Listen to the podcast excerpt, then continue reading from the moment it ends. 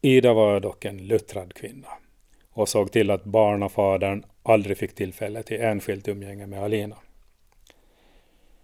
En kväll när hon iakttagit ekan från Lillbroskär i god tid ute på fjärden gick hon ner för att möta Karl vid bryggan för ett ostört samtal mellan fyra ögon. Han landsteg välklädd med ödmjuk min och nybakat bröd under en duk, vilket visade att han var ute i sanktionerat uppdrag till brödet var mandagsverk. Eh, du kan stanna en stund kvar, för jag vill prata med dig. Sätt dig på bänken. Mannen lydde avvaktande och Ida fortsatte. Du kanske tror att vi börjar ta dig till nåder igen, men då har du fel. Du får bara göra en del av din plikt som far, men försöker du röra Alina en enda gång till så ska du veta att bössan är laddad. Jag har nog lärt mig min läxa. Och jag är inga någon sån som egentligen dras till unga flickor. Jag likar mognare kvinnor som har förstånd och erfarenhet på en djupare gemenskap. Det är mera efter min läggning. Men varför kunde det inga låta flickan vara i fred i så fall? Ja, ja, jag vet inga vad som flög i mig. Det var dårskap. Men hon är så gull, flickan din. Så jag vart precis kollrig. Hon liknar på dig. Och vi kom ju så nära, när vi vart såna vänner och var så mycket tillsammans. Ja, hon, hon höll dig nästan som sin far och så utnyttjade du det och for över henne som en bolagstjur. Du ska inga försöka inbilla mig någonting. Jag har känt dig för länge för det och lova ingenting. För jag vet att du lägger orden precis efter dina syften och att orden är tomma och syftena liderliga och egennyttiga. Dina ord är inga vattenvärda. Men du ska bara veta att jag alltid håller ögonen på dig. För det är jag dig evigt tacksam. Och fast inga tror mig så kommer dina ögon att få se en bättre karl.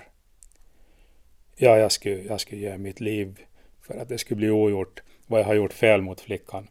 Men nu vill jag bara hjälpa vad jag kan för att ställa till rätta efter mig. Jag sa ju att du inga skulle lova någonting. Du har ljugit mig full sen du steg i land första gången och jag begriper inga hur jag kunde vara så dum. Du har tre ungar här på land och det är bara för deras skull du får komma hit och göra lite rätt för dig.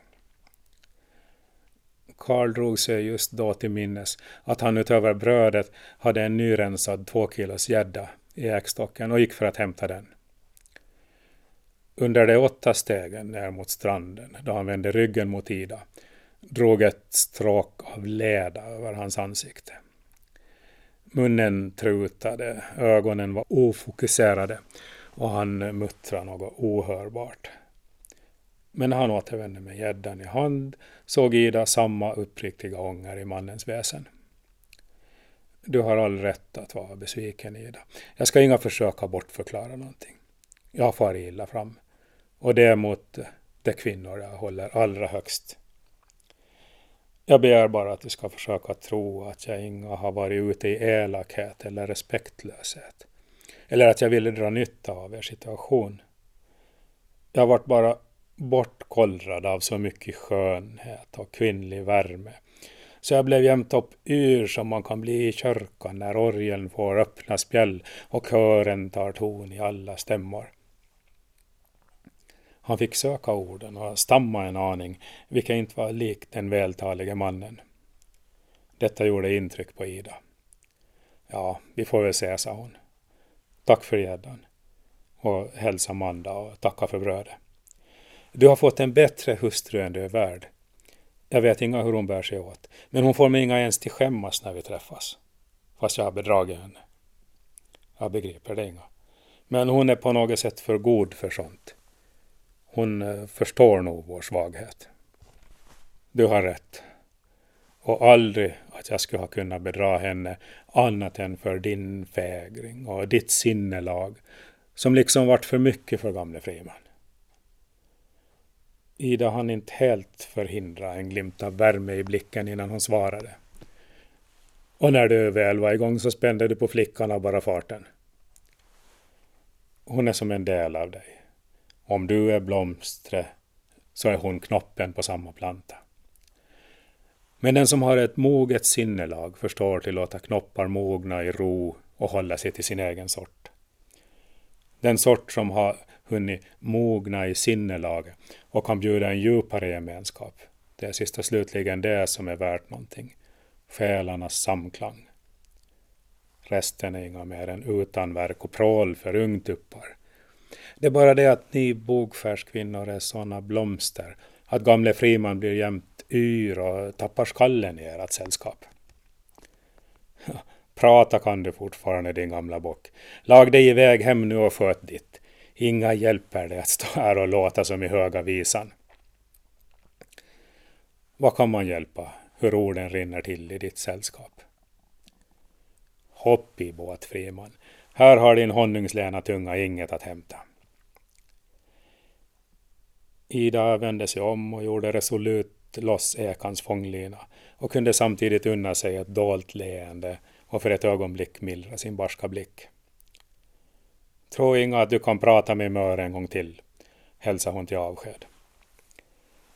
Jag vet att du är för klok att prata omkull, men jag kan inga tysta hjärtats mening. Han såg Ida knycka på nacken och knalla upp för slänten med ampra steg. Det såg bra ut på flera sätt. Hon såg bra ut. Blott något tyngre i gången än då han första gången sett hennes uttrycksfulla gång som talade tydligare än ord. Där gick en kvinna med stort hjärta.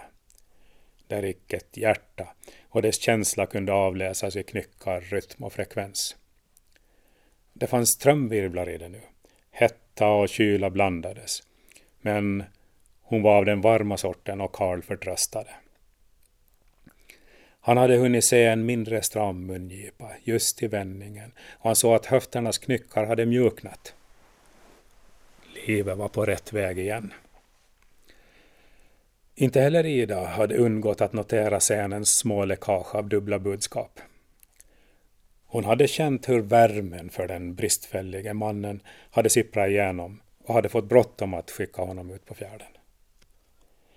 Men hon hade också sett hur Karl plötsligt måste hämta upp en gädda för att få tillfälle att vända bort ett ansikte han inte ville visa.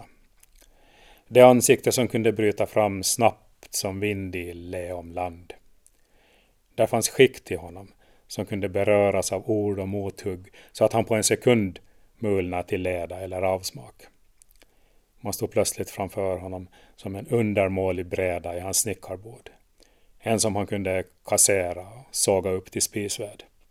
Eller så bröt det fram i ilska. Sargande ord och ett grepp som stål om armbågen medan han talade. Han hade till och med kastat henne i marken. Och än värre, som hon vägrar minnas. Då var han som det röda järnet i äschan med hammarklang och allt, het, hård och skrämmande. En dag värmdes hon av hans blickar i ryggen där hon vandrade upp för slänten. Tillvaron var på väg att återbli vad den en gång varit. Men flickan skulle han i alla fall aldrig mera röra. Det skulle hon bli kvinna för. På det viset börjar umgänget mellan de två öarna åternärma sig de principer som under många år hade förvånat omgivningarna. Den nya flickan blev en ögonsten för alla, oberoende av deras invecklade biologiska och sociala relationer till henne. Hon hade gjort sin entré som en kil genom de vräsvuxna och trassliga fibrer som sammanband öborna. Men hon kom småningom snarast att bli limmet som återförenade dem.